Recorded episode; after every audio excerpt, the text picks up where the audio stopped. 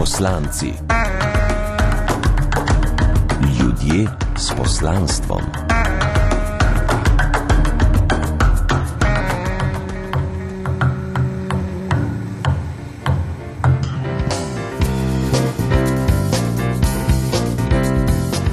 Dober večer, z vami smo Aida, Mirta, Uroš in Katja. No in tokrat bo v oddaji veliko govora o kreativnosti, o igrah, o stripih in risanih filmih, skratka tudi seveda nekaj uh, spomina na otroštvo.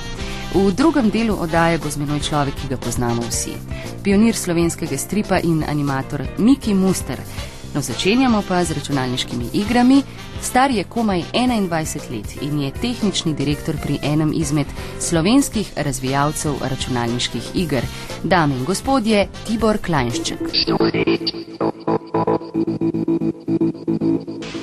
Tibor je svoje otroštvo preživel pred računalnikom in očitno se je splačalo. Se je danes eden pomembnejših članov slovenskega podjetja, ki se ukvarja z razvojem računalniških iger. In vse to je vedel že zelo zgodaj. V bistvu, po mojem, nekje v šestem razredu osnovne šole. Takrat, ko začneš razmišljati, kam bo šel na gimnazijo, oziroma srednjo šolo, oziroma karkoli že. In pa sem rekel, zdaj sem videl folk, kako se zaplezava, pa jaz bom pa pol odvetnik, pa so računali. Jaz bom šel prvo to, pa moram vzeti pol geografijo, pa uno, da bom našel na ta faks, pa neki. Sem pa rekel, pa če sem pa delal igre. Ne. In od takrat drži še zmeraj. Že kot najstnik je pisal programe in ustvarjal razne igrice. To je bil tudi povod, da je prišel v Zutfly, še takrat, ko je bil dijak in tu je tudi ostal. Da je sposoben in da je dober potencial, pa je odgovorne prepričal z naslednjim. Tako, prišel sem, pa sem delal tisto, kar je bilo treba delati dobro. Pa se mi zdi, da sem se tudi zelo ujel s to kulturo podjetja, ne? da sem veliko spraševal, pa tudi veliko bedarij vprašal, ampak pač to je del postopka nasploh se mi zdi, da sem veliko komuniciral z ljudmi, pa vtaknil sem se čisto vsako stvar. Glavno, Tako, nisem, se, nisem rekel, jaz sem programer, jaz bom zdaj sam to programiral, neč ne bom gledal okoli tako kot konji. Ne. Ampak pač sem rekel, ja, zanima me tudi to, uh, kakšni novi projekti bojo prišli, pa zanima me, kaj se zdaj dela tam, pa kaj dela ta, kar riše eno zadevo, pa kaj un dela. Pač vse me zanima, zato, zato sem zdaj tukaj, kjer sem. Danes je torej tehnični direktor pri programiranju uskoči le, ko je nujno. Opravlja tudi menedžersko vlogo od komunikacije z založniki iger in partnerji do sodelovanja pri sprejemanju pomembnih odločitev o prihodnosti podjetja. Hočemo spodbujati to, da ima vsak delavc do drugega delavca ne, odgovornost, ne do enega šefa. Ne. E, tako da, kaj hočemo narediti, je to, da ti veš, da ne delaš zato, da boš zadovoljil nadrejenega, pa plezu po eni lestvici, pa ne vem kaj, ne? ampak da veš, da boš to naredil zato, ker ti je kul cool to delati, pa ker hočeš narediti čim boljši produkt, da bomo vsi čim boljši odnesli. V podjetju so sodelovali pri razvoju 18 iger za različne založnike, vendar je računalniški trg iz leta v leto večji, preboj iz male Slovenije pa toliko težji. Je zelo težko že samo to, da si v Sloveniji, ker smo samo mi te, ki se s tem ukvarjamo. Um, seveda so vsi dobrodošli. Ne. Sam pač pri nas niti ni kadra. Um, pol imaš še problem na nivoju firme, ker imaš full konkurence iz raznih tako Japonska, Kitajska, pa tako bolj vzhodne države, ne, ker imajo Niso so cenejša delovna sila, ne? pa blazno kreativno folk, zato ker je toliko veliko ljudi, da pač lažje najdeš kreativne umestne.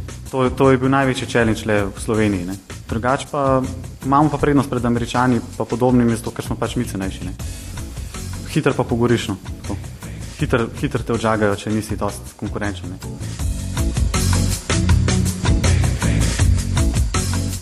Na trgu računalniških iger največ, kar 40 odstotkov, pripada igram, kot so naprimer Tetris, karte in podobno. Tesno pa sledijo športne igre. No, zato, da so naslovniki zadovoljni in da jih igra zanima, pa je treba kar nekaj sreče. Kaj je torej ključ za uspešnost igre? To pa, to pa po mojem noben ne ve dobro. Máš pač lahko delaš marketing research, pa se trudiš nekako analizirati vse. Ne. Sam to ti deluje pri raznih, vem, delaš košarko, pa futbal. To, kar veš, da folk igra, pa rap, to boš zihar prodal. Ne. Predvsem pr, na, razvijalski strani še tako, da moraš gledati, kaj bo uh, ljudem všeč na koncu, pa še kaj bo založniku všeč na koncu, kar ni nujno isto. Ne. Vsebina pa pogosto narekuje akcijo, nasilje in podobne reči, ki jih poznamo tudi iz ostalih medijev. Tudi pri igrah je akcija pogosto povezana s streljanjem in tudi vojno. In tudi očitkov v javnosti na ta račun ne manjka. Pa ni nasilje, samo nasilje pa streljanje, ne, je samo en um, orodje ne, za doseganje tega, da igralska igra po domače pade notrne in da, da je njemu tist, tista stvar drugi svetni.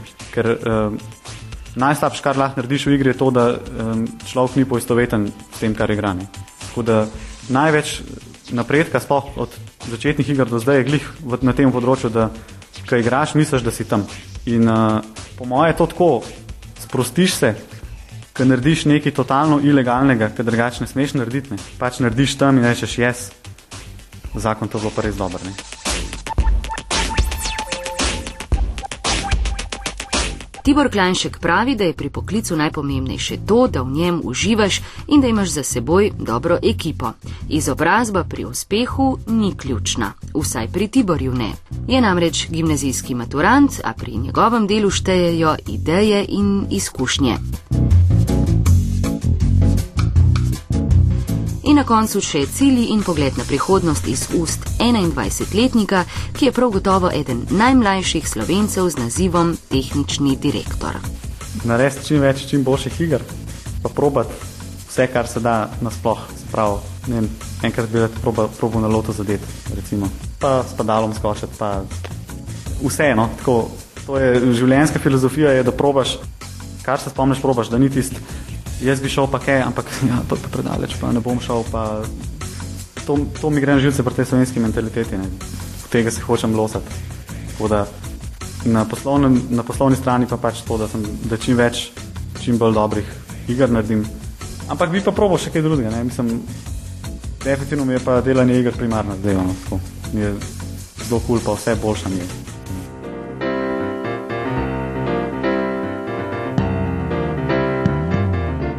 To je bil torej uh, mladi Tibor, ki svoje poslanstvo upravlja zelo resno, kljub temu, da je rosno mlad. Zdaj pa je z menoj človek, ob katerem je zraslo kar nekaj generacij slovencev, gospod Miki Muster, dober večer. Dober večer. Lepo pozdravljeni. Eh, prejšnji sogovornik uh, se ukvarja z računalniškimi igrami, z razvijanjem leteh. Vi pa v računalniku, vam rekla, ne vidite kaj dosti ustvarjalne romantike. Ne, ne, jaz sem vedno odklanjal vse, kar je računalništvo. Računalništvo sem rekel, jaz sem rokodelec in ustrajam pri tem, da podpišem vsako risbo, ki jo narišem. Zame je to avtorsko delo in eh, jaz, za tehnika mene ni, ni nikoli privlačila. Že v Nemčiji, ko sem bil, so me nagovarjali, zakaj ne delam računalniško animacijo, ker gre dosti lažje in hitreje. Rekel, jaz bom da za dost hiter delal, tudi če bom na roko delal. Še celo prehiteli ja, ste ja, računalnike. Drugače pa, povejte mi, danes skoraj da ne, ne nastane risanka, uh, bom rekla, pri kateri ne bi pomagal računalnik, a vi takoj eh, opazite, začutite to razliko med pravo pa. Ja, jaz že opazim, zato ker jaz vidim, eh, da je recimo, eh, sigurno je, no, računalništvo je razvilo nov stil. Je dosti bolj popolno, čistejša risba, lepše barve, vse je bolj tako stoprocentno. Ampak jaz smatram, da eh, če ima avtor, da vidiš, da je avtor to delal, da je to avtorsko, eh, tudi če, če je, se vidi risba, da je to ročno delo, jaz mislim, da je to tudi kvaliteta, to ni treba, da se skriva. In eh, eh, zdaj zadnje časa, nekaj let, sem že tudi sodeloval z študiji, ki so mi recimo pomagali eh, z animacijo, z uh. -huh. tem, da so oni recimo pobarvali, posneli pa eh, sinhronizirali. To je bila vse tehnika, ki sem jo jaz sprejel. Samega risanja pa nisem nikoli dovolil, da bi jaz ne bi vseh risb sam naredil. Torej, osnova je vedno ostajala ja, ročno risba, delo. Ne? Risba podpišem vsako risbo, ki sem jo naredil, ročno. Povejte mi, kaj pa sicer računalnik, recimo kakšen internet pa to. Uh, go, go. Zdaj, jaz ne, ne, nimam ničesar. Jaz še telefon bi najraje skozi okno vrgel, zato ker me moti pri delu. Ne pa, da bi se ukvarjal s kakšnimi tehničnimi novotorijami, ki jih niti ne more. Ne, naša generacija najbrž Mi nismo rasli s tem. Jaz sem rasel pri petrolejki in ne vem, zakaj bi se trudil zdaj sprejemati, ko je vsak teden nekaj novega. Vse, ko kupiš računalnik, je že zastarel, ga domov preneseš, je zdaj drug model in potem v reklamah vidim, da pravijo, se pa morate vrst stran vrst telefon pa kupiti pomladanski model. Več o gospodu Mikiju Mostru po glasbi, eh, ko boste slišali tudi kratek portret o njegovem delu in seveda življenju. Save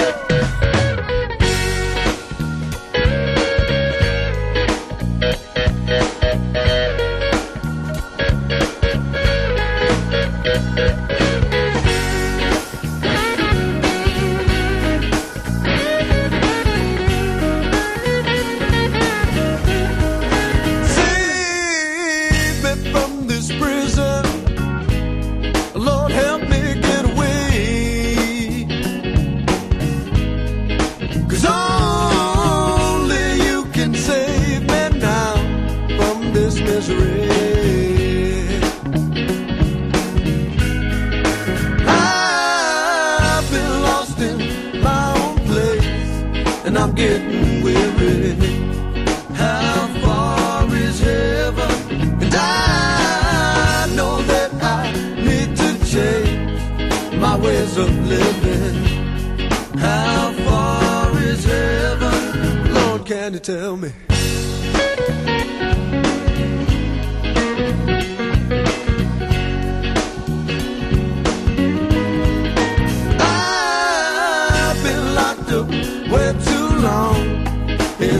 In this crazy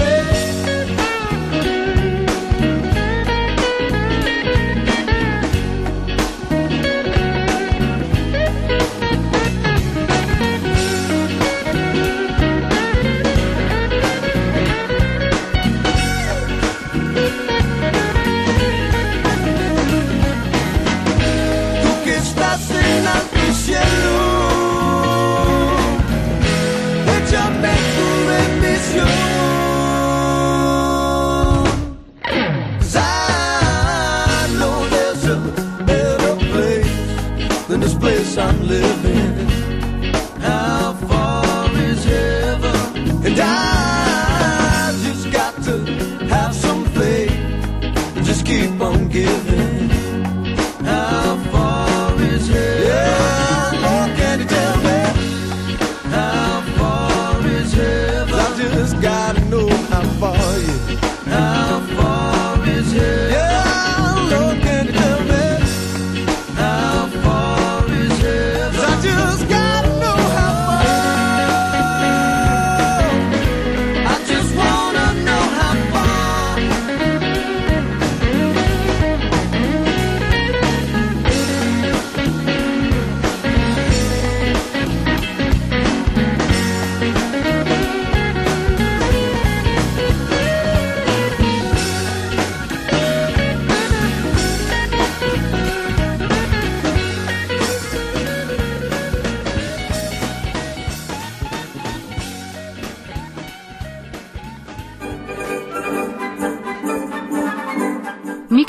Se rodi 22. novembra v Murski soboti.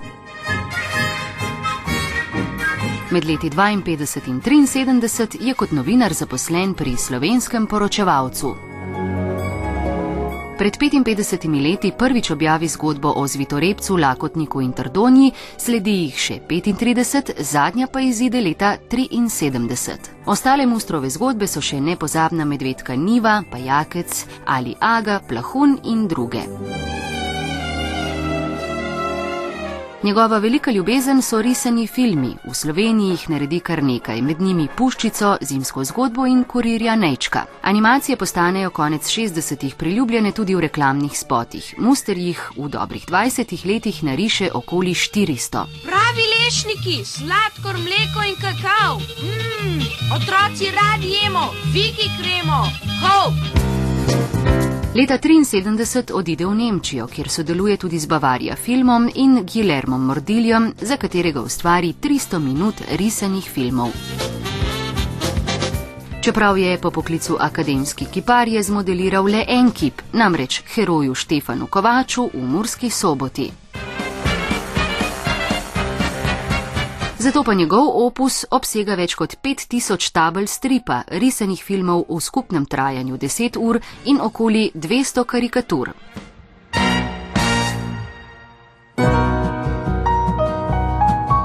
Gospod Miki Mustar, eh, vi ste svojo pot začenjali eh, včasih, eh, ko se glasba niti ni dokumentirala na trkovih, bili ste pevec šlagerjev pri veselih vračih, ne?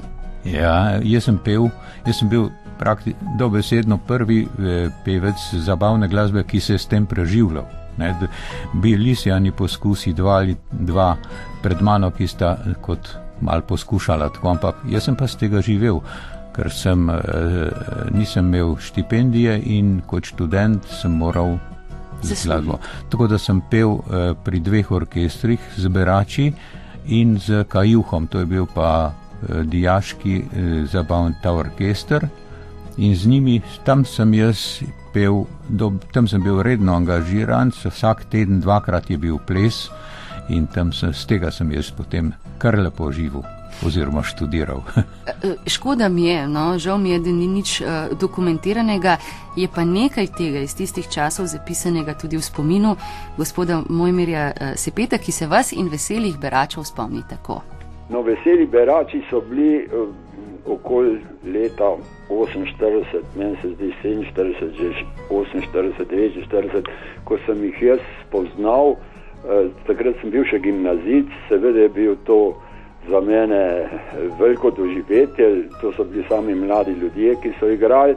Takrat, mislim, to je bil neprofesionalni orkester, orkester ljubiteljev, in, ampak so igrali zelo fino in vodo jih je pa takrat Ati Sos. In pel je pa seveda Miki Muster, takrat to pevci so bili zelo, zelo redki v tistih časih. V tistih časih je pel Zoran Kržišnik z uh, radijskim orkestrom, že vendar ta, on je imel neko bolj šansonsko uh, obarvan glas, dočim je bil pa Miki Muster tak uh, zelo takrat modern, kot rečeno, pevci so bili redki, Miki Muster je bil eden prvih, ki je začel pet uh, takrat tako popularno uh, glasbo z big bendi. No, tako se vas spomni tudi mojster muzike. Ja, res je bilo tako. Takrat ni bilo žal ni nobenega posnetka, ker takrat sem bil vesel, da, sploh, da, da smo sploh mikrofon imeli, ne pa da bi še snemali. E, tako da nimam nobenega dokumenta, kar mi je malo kar žal. Je pa res tudi, da sem ne samo, da sem pel, da sem pel, tudi tekste sem si moral sam napisati, tudi ker ni bilo nikogar, ki bi mi to napisal, tako da sem ara, jaz dobil aranžma in sem tekst napisal in potem pel. Recimo se je zgodilo, da sem prišel na radio, na oddajo. In prima vista, nikoli še komada slišal nisem in sem moral zapet. To je bilo za me, sem imel grozno tremo, ampak je šlo. Ne? Povejte mi, a še kaj pojete? Ja, ja, zdaj sem že ob dober glas. A ste že? ja, ne, bi, ne, bi, ne bi javno šel nastopati, ker se mi že malo zatika, ampak včasih še kaj ženo, še kakšne spomine obujava. No, petje ste potem postavili na stranski tir. Za vse, kar se je kasneje zgodilo, je pa kriva snegulčica iz leta 38. Ja, tisto, to je bilo pa, ko sem jaz še v gimnazijo hodil, mislim, da je bil 13 let star ali nekaj takega, sem prvič videl ta film in od takrat sem sklenil, da ko bom pa velik, bom jaz delal risane filme, da bom šel v Ameriko in da bom kar tam. Tam je bilo, Evropi ni bilo nič, sem rekel, grem k Disneyju in bom najprej mu bom čevlje pucu, pol bom pa začel risati. Ampak žal je bilo tako, da je bila tem prišla vojna, med vojno ni bilo nič, po vojni je bilo pa še manj. No, pa eh, prej smo že, bom rekla, malo omenila tiste čase. Ne? Eh, Tudi strip je bil proizvod gnilega zahoda. Ne? Ja, bilo je tako, Rusi ga niso imeli ne? in eh, v spominu je bilo, vsi so imeli v spominu samo tiste ameriške stripe, ki so jih kopirali. V glavnem smo čitali hrvaške pa srpske. Ne vem, zakaj na hrvaškem ni bilo prepovedan, pa v Srbiji pri nas pa je bilo prepovedan. Nekaj to je. Dvojna morala, ne? Ne, mi smo bolj papeški kot papež. Ne, Aha. oni so, Srbi so prepovedali, mi smo pa se tega držali, oni so jih pa čitali. Pa mogoče veliko iznajdljivosti je bilo potrebne, ne? da ste prišli do materijala, do papirja. Tuš ste mešali s čim že? Ja, tu sem malce saje zmešal, pa vodo, toplo Pa pa, sem ti. Pa, ni, šlo je, ampak eh, ni bilo tako lepo. Ni bilo tako gladko kot tiste, so kakšne smeti bile vmes. Je pa dobro bilo imeti kakšne veze v, zveze v kakšni knjigarni ali pa papirnici. Ne? To pa ja, to sem pa imel zveze tako, da ko so dobili tiste nad vsake tok časa, so dobili s papirnico kakšno pošiljko brezlesnega papirja, so to me poklicali in sem jaz takoj na bicikl in v mesto in sem kupil, kakor so mi pač dal, ne, tako da sem potem spet imel papir za nekaj časa. Eh, Drugače pa tudi prozorne eh, folije vam je prala cela družina, ne? da so bile večkrat uporabne. Ja, folij ni bilo, ne, ničesar ni bilo. Ko sem začel filme delati, sem jaz risal na papir, eh, vedel sem pa, da tako to ne gre, ne, da moram imeti folije. Žal, folij ni bilo, eh, potem sem pa poskusil. Žena je bila v bolnici in mi je ona zrihtala stare rentgenske filme, ampak eni so bili plavi, eni rjavi, eni rumeni, pa debeli so bili. ne.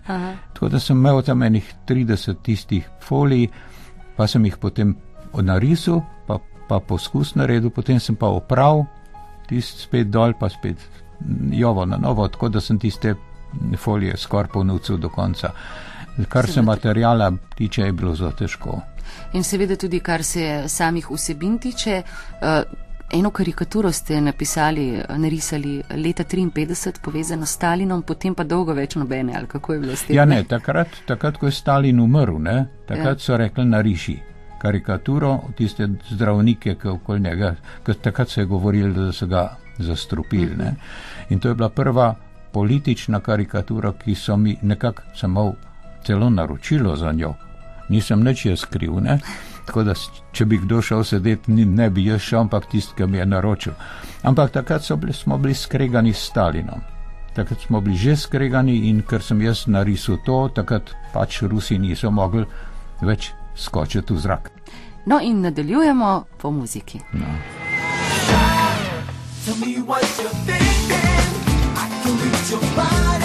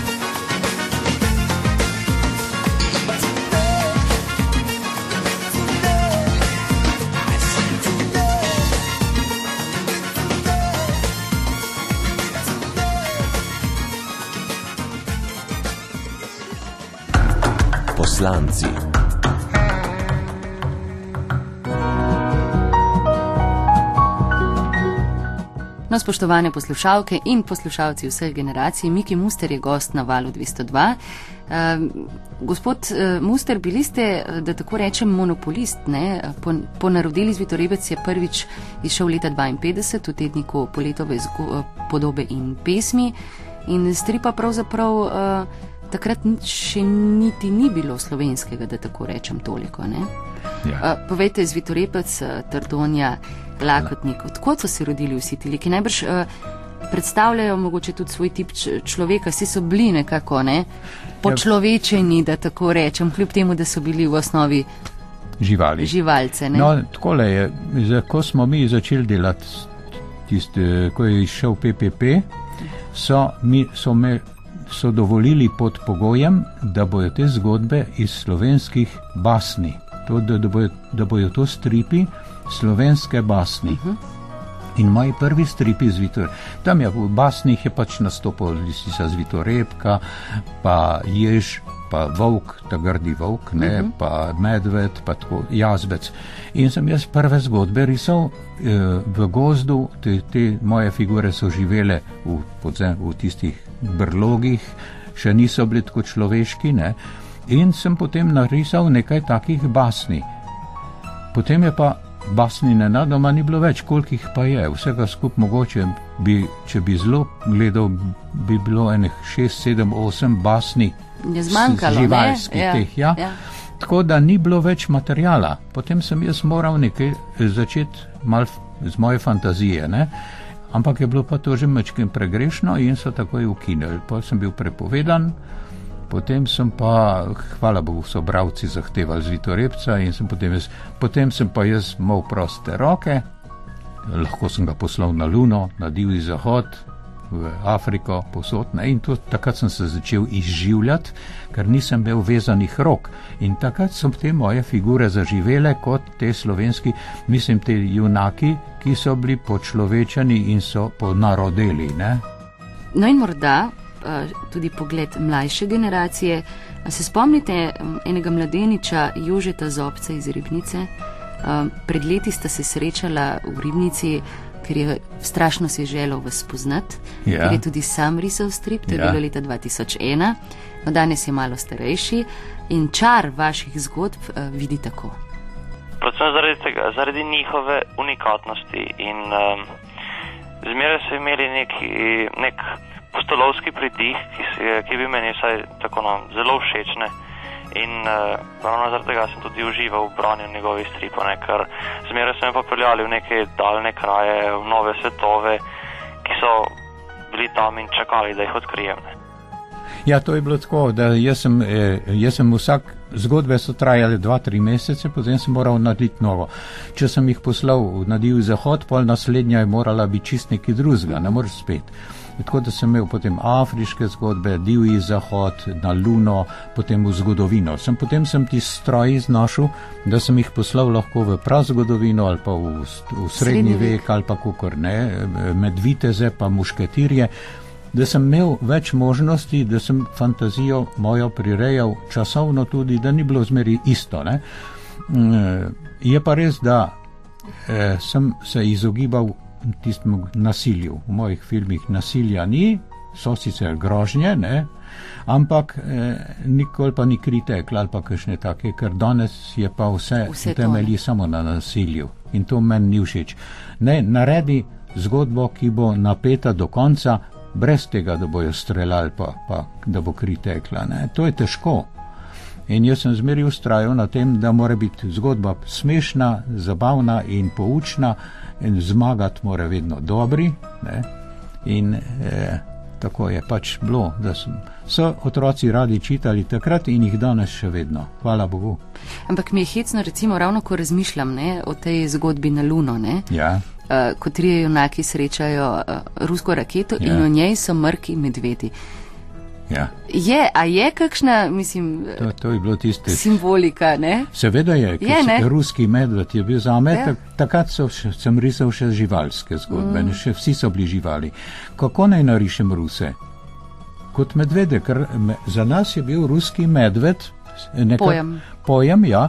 In jaz sem jih pač predstavil kot medvede. E, še celo malo je bilo, e, tist njihov govor je bil mečken je vlekel na ruščino ne? in so bili takoj, so skočili v Beogradu, da je to pa, da je to pa, ne. In sem potem mogel narisati, je, me je šef poklical, e, di- rekel, to pa ti reši, jaz ne vem, kaj bomo naredili. Pa sem pa Amerikance narisal kot opice, pa so bili Pa pa oni- redu? Pa so bili pa oni srečni. Še zmeri boljš, da so oni opice kot medvedi. Ne? Ja, ja. E, Drugače pa, uh, baje so v Franciji izdali neko en- enciklopedijo seksa v stripih, ne? Ja, In v njej ste tudi vi omenjeni. ja. Zanimivo, ne? Ja, zato ker sem jaz, recimo, sem si drznil v tistih časih risati deklice bre, brez zgo oben one, ne, Ja. tako rekoč. Kar je bilo za tiste čase še zelo drzno in je tudi v svetovni enciklopediji, eh, ki je išla v Ameriki, je tista ena od teh slik noter in tudi v Franciji so izdali pa prav ta enciklopedijo seksa v stripu. In je tudi tista moja slika noter, ko je ta pra, pradeklica uh -huh. eh, z lakotnikom tam. Ne. Eh, čeprav sem jaz vedno rekel, to meni se zdi, jaz sem kipar. Ja. Za me, za kiparja je akt tisto, kar Osnova, ne? Osnova, to je najlepše, kar lahko naredi kipar.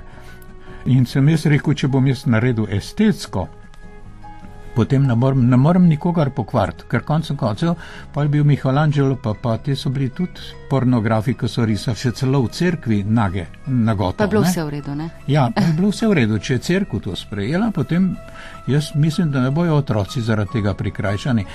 Ni, jaz sem tako risal, da ni bilo moteče, pa da je bilo estetsko. A so uh, ti otroci, bom rekla, ki so takrat to brali, še danes berejo, uh, vas še kaj ustavljajo na cesti, uh, imate kakšne? Ja, tako le je. Jaz sem, tisti otroci so zdaj že starejši. Danes so okoli 60 let stari, ne?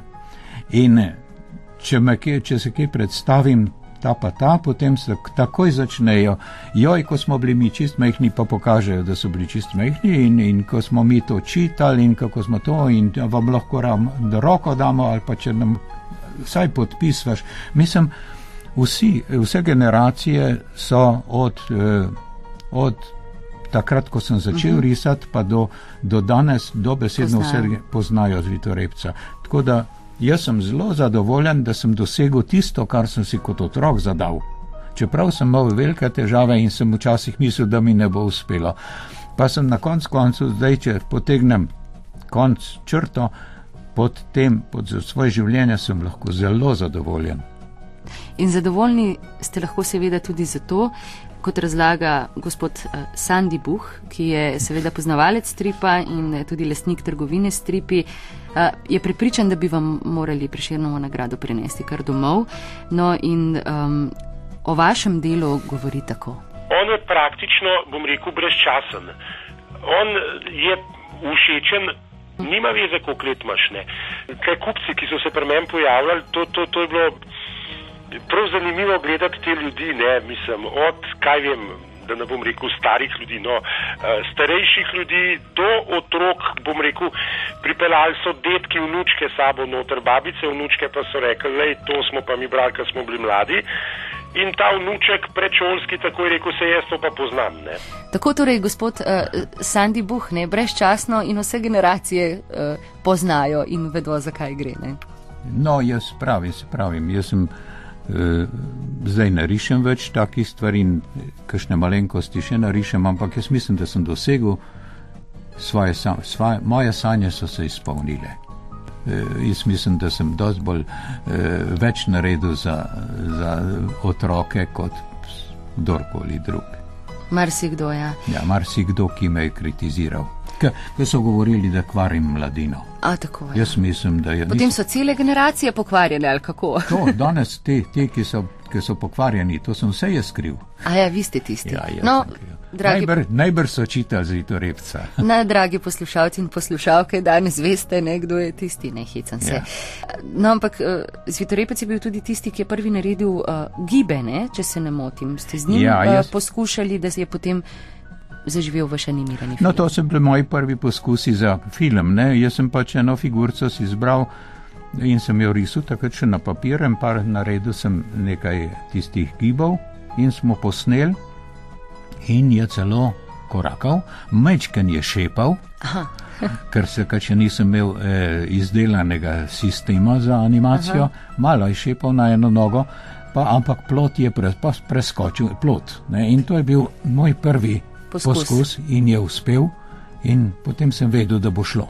Tale zvitorepec vas je spremljal tako in drugače. Ne? Ja. Uh, naredili ste kar nekaj teh risanih filmov, naprimer Puščico, pa Kurirja Nečka uh, in na takih je bila tudi recimo zimska zgodba. Ne?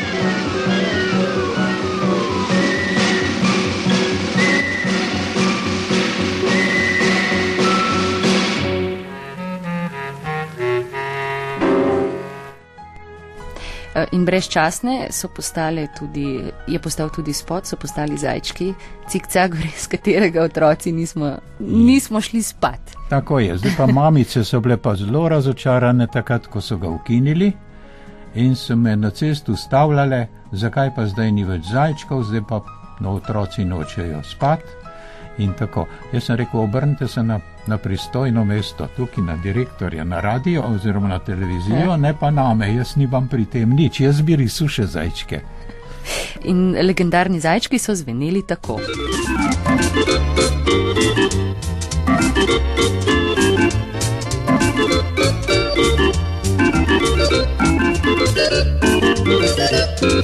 Tudi oglase ste eh, delali, sami pisali scenarije, si jih izmišljali, celo glas ste jim postojali. A se je prodaja kaj povečala, glede na to, da ti oglasi niso prepričevali, to morate kupiti, ne? ampak se v bistvu je bila zgodba tista, ki so ljudi, Ja, ki je ljudem. sem, ja, jaz sem poskušal vcepiti ljudem v, v, v male možgane eh, reklamo tako, da, da sem jih na zabavni način prisilil, da, da so si ga zapomnili. Eh, eh, najbolj tipičen primer je bil Visoki C, tista pevka. Visoki C, ko so oni naročili, da zdaj so rekli, gospod Muster, nov proizvod imamo, to je en bombon in mi bi radi to bo ime, imenoval se bo Visoki C, ker je C vitamin in bi radi film. Jaz v tisti moment sem videl tisto pevko, kako zapoje o operi tisti Visoki C in sem tudi to narisal. Mi smo to sinhronizirali, smo jih povabili, trije direktori pa tisti propagandisti so prišli gledat, ampak ko smo film pogledali, so, ob, so kar sedeli, pa ni noben nič rekel, so se spogledovali, pa ni tihto bili, sem rekel, aj kaj narobe. Jaz so rekli, a bi ga lahko še enkrat pogledali, pa smo ga še enkrat, pa so bili še kar tih. Pa sem pa rekel, pa povejte, kaj je narobe. So rekli, veste kaj, to, je, to so bomboni, mi smo si to predstavljali, da bo taka ena luška na punčka, ki bo ta bombon, eh, da bo zapela tist cene, ne pa taka matrona. Jaz sem rekel, veste kaj, Zame operna pevka je simbol operne pevke, takrat je bil taka prsata dama, ki je, p- zapoje pač. Jaz so rekli, kaj bomo pa zdaj naredili? Jaz so rekli, dobro je, ene trikrat ga bomo zavrteli, pa bomo pa nov film naredili. No in so ga trikrat zavrteli, pa so ga, pa, u- pa so ga pa ukinili, pa ga pa ni bilo več. In potem sem pa jaz šel, ker pa sem rekel, kako je zdaj, a bomo naredili nov film. Ne so rekli, zmanjkalo nam je papirčkov, zmanjkalo nam je mase za cukre, zmanjkalo je vsega, mi smo morali film ustaviti, zato ker ne moremo prodajati. O, man. Naredite še štiri take filme. Ne? In sem potem celo serijo naredil. No in visoki C je zvenel takole, če se ga še spomnite.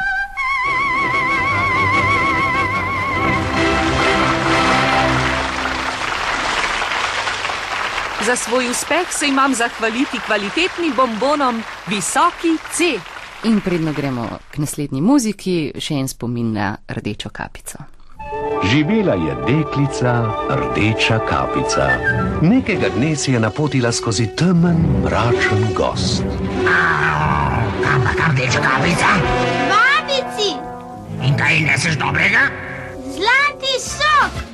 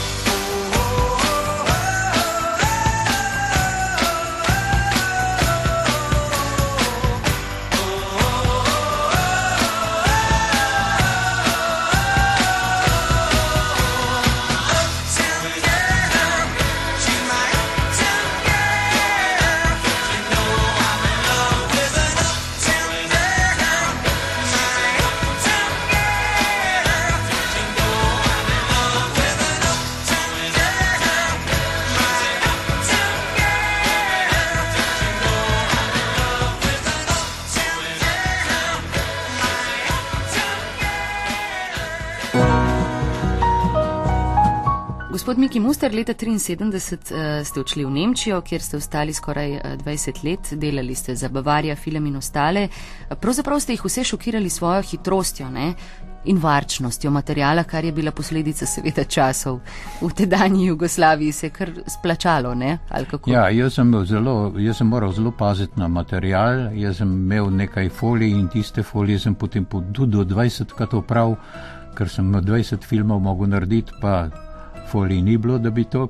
Ne, sem delal pa tudi pridno sem bil, vse sem delal noč in dan.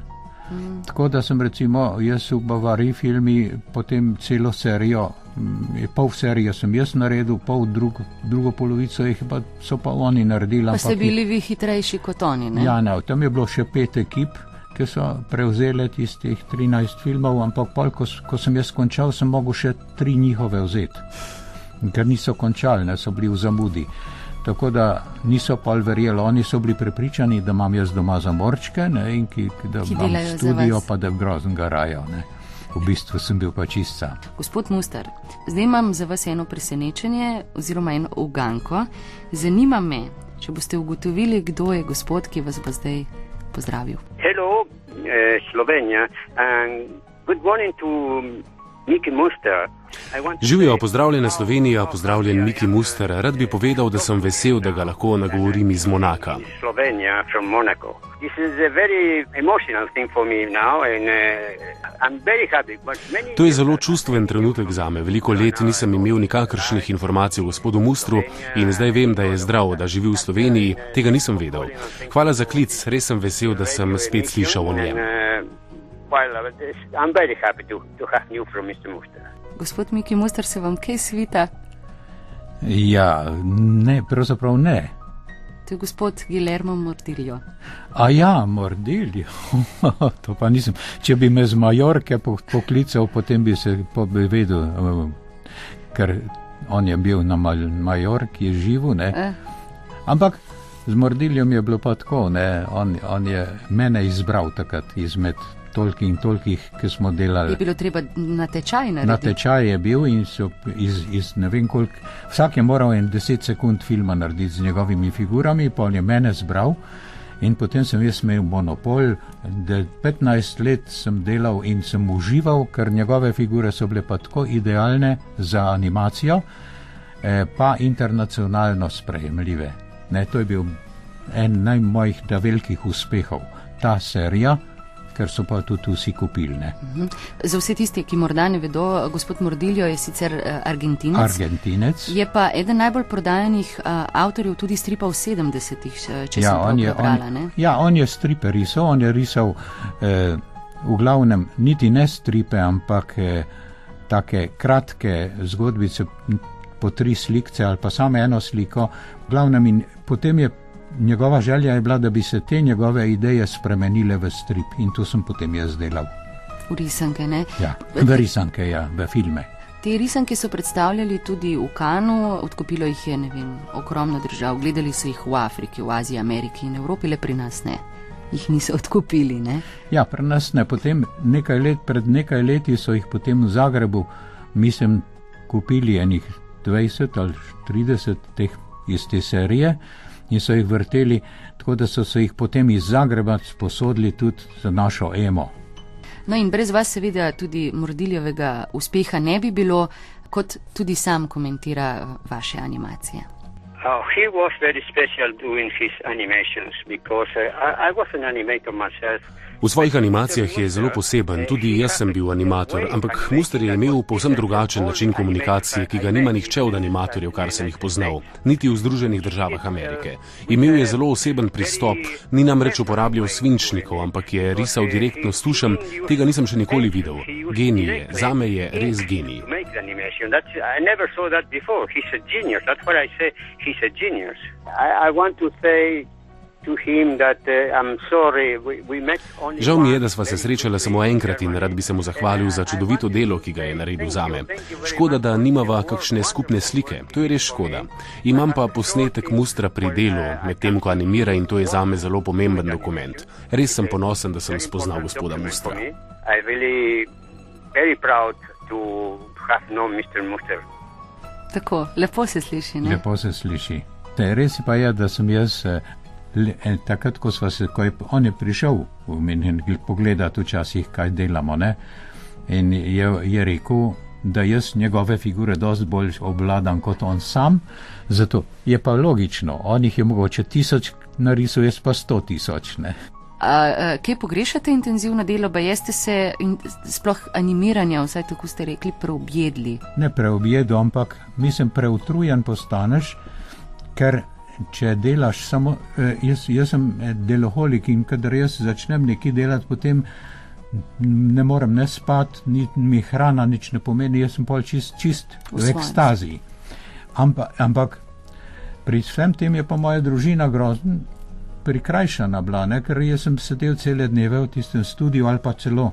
Oni so bili v Ljubljani, jaz pa v Münchnu, res da sem jih vsak teden videl, ker sem vsak prosti trenutek izrabil, da sem šel na obisk domov, ali pa so oni prišli, ampak to ni bilo življenje, ki, sem, ki bi ga človek ga želel, Ja, ja. eh, na stara leta. Zdaj sem pa že starejši mladinec, ne? zdaj pa bi rad imel tudi z družino malo več kontakta, pa tudi žena, da bo videla, da sem še živ. No in o tem tudi po muziki.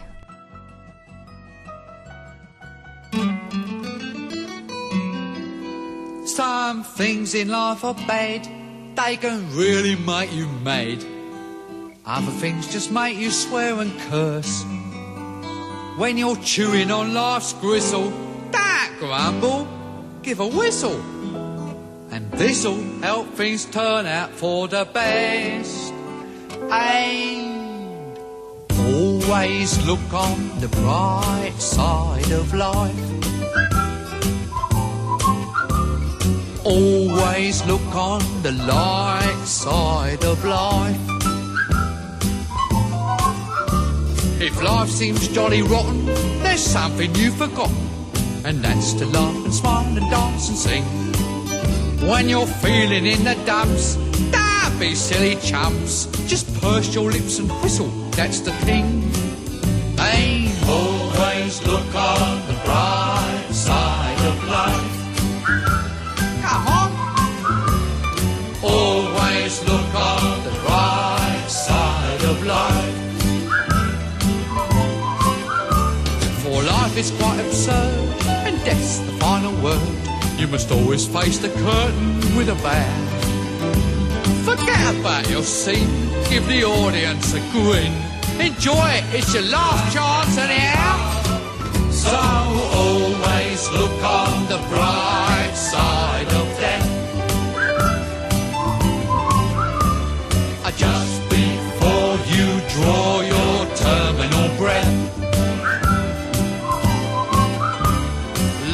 piece of shit when you look at it. Life's a laugh and death's a joke, it's true. You'll see it's all a show, keep 'em laughing as you go.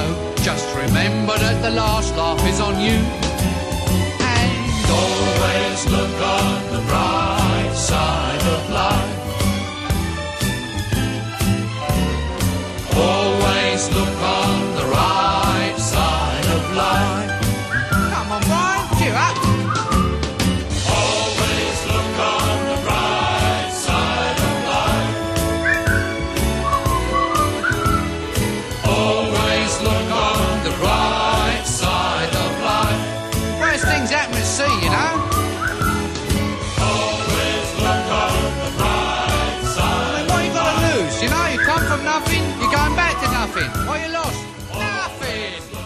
Gospod uh, Miki Muster, kaj je po vašem, če bi tako strnili eh, vaše poslanstvo v življenju?